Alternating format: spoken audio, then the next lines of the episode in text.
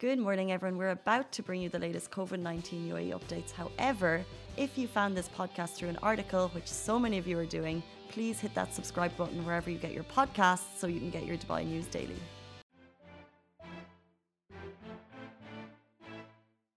Good morning, everyone. Welcome back to today's Lovin Dubai show. I'm your host, Shireen Ahmed, and I'll be joining you for today's show where we talk about all the top trending stories here in Dubai.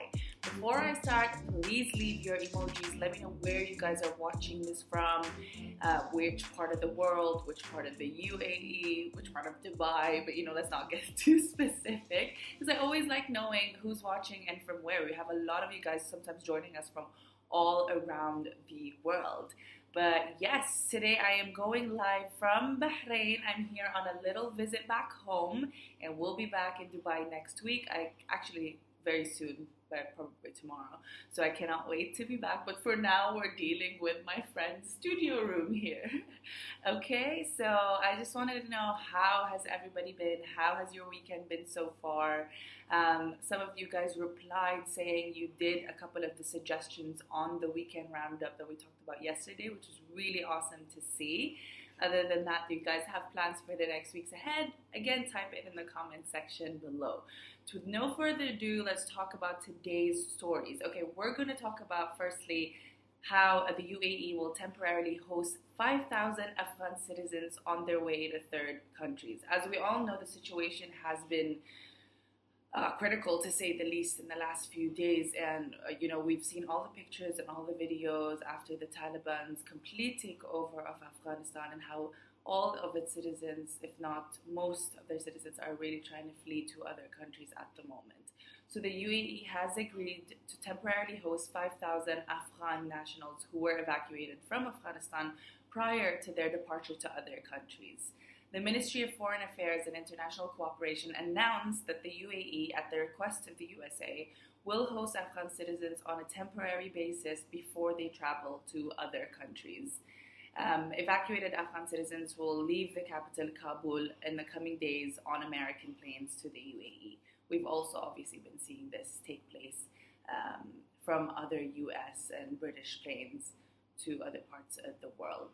So that's our update for now on this, but I think it's pretty awesome um, that this is going to happen, and hopefully more of the world comes together as well to ensure that Afghanis who are on their plight at the moment are being helped and will continue to be helped. So I've been I've also been seeing the community really take strides into ensuring that they, they help out in whatever way they can, whether it's, you know, seeing how the visa processes work, um, to, you know, on how to help bring Afghani citizens back to Dubai or otherwise. I think it's just, um, it's a great thing and it's, it's, it's the thing to do right now is to help each other out.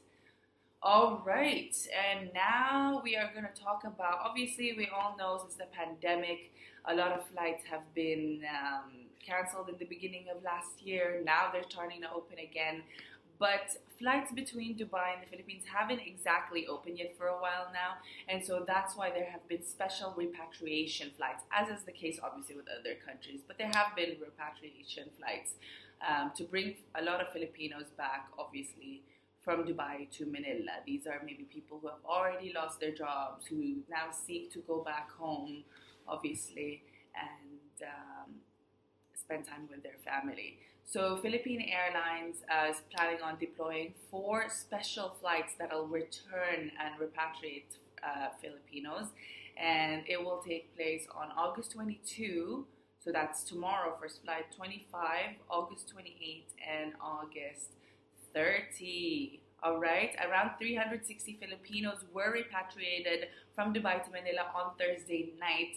Um, obviously, because the travel restrictions imposed by the Philippine government are still in place, um, so they have to obviously repatriate citizens, Filipinos, Pinoys, back in gradual in a gradual manner. There is even a tweet by CG Paul Cortez where he showed the queues of all the Filipinos uh, queuing in the check-in counter, 360 Filipinos to be exact, um, who are on their way home to, who are on their way home via the PR 8659 Philippine Airlines. So these um, these 10 chartered flights were commissioned by the Philippine government, the ones that'll come up as well. And they've been happening actually since June 1. Because you know the restrictions on traveling between Dubai and Philippines took place on uh, on on May 15 for India, Pakistan, Nepal, Bangladesh, Sri Lanka, um, Oman, and the UAE as well. So hopefully we will see these two countries open up gradually a little bit more. But you know, of course, I know the Philippines is taking taking their time to you know to recover half of its nation first, so to, so that it'll be a smoother and easier transition later on. Um, in a quote. Uh,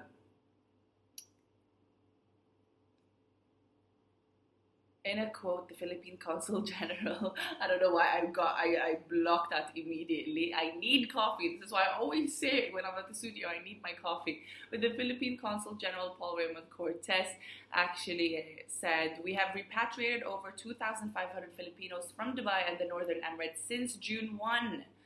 And um, he says that people who want to apply for repatriation, he told Gulf News, people who want to apply for repatriation can send an email to atn at pcgdubai.ae.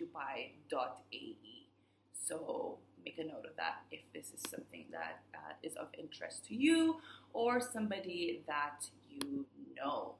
Lovin Extra is here. This is the new membership, and while absolutely nothing changes for our readers, extra members get access to premium content, exclusive competitions, and first look for tickets and access to the coolest events across the city, and Lovin merch. If you subscribe right now, a very cool Lovin Red Eco Water bottle will be delivered to your door. Okay. Also, if you guys take the Dubai Metro, you might want to know that there will be extended hours. There have been already extended hours this week, and there will be, have to mute it, extended hours as well next week. Okay, the Dubai Metro will operate for two additional hours over the next two Fridays. That's already taken place yesterday, and they'll take place again on August 27 next week so that they could serve the passengers arriving at the Dubai International Airport. This is a time for travels after all. All right, the Roads and Transport Authority, RTA, uh, said that both the red and green lines will run now from 10 a.m. to 3 a.m. on two Fridays. So keep that in mind if you have a plan that's, um, let's say, you know, from Rashidiyya to Jabal Ali, and you you're kind of concerned about the metro situation or the taxi situation. There you go. 10 a.m. to 3 a.m. it'll be open. Um, this is considered. This is because this is now considered one of Dubai's busiest weekends, as will next week. You know, people are traveling all around the world. Uh, and coming back, uh, obviously, some flights are being repatriated here and there as well. So this is intended to support these guests who are on their way here to Dubai. All right. So keep that in mind. You can also carry two suitcases and hand luggage on the metro. The RTA added in case you are traveling and using the metro. Uh, going and back, and you were wondering if you had to take a taxi because it wouldn't fit. There is a specific section for your luggage there, so it should be fine.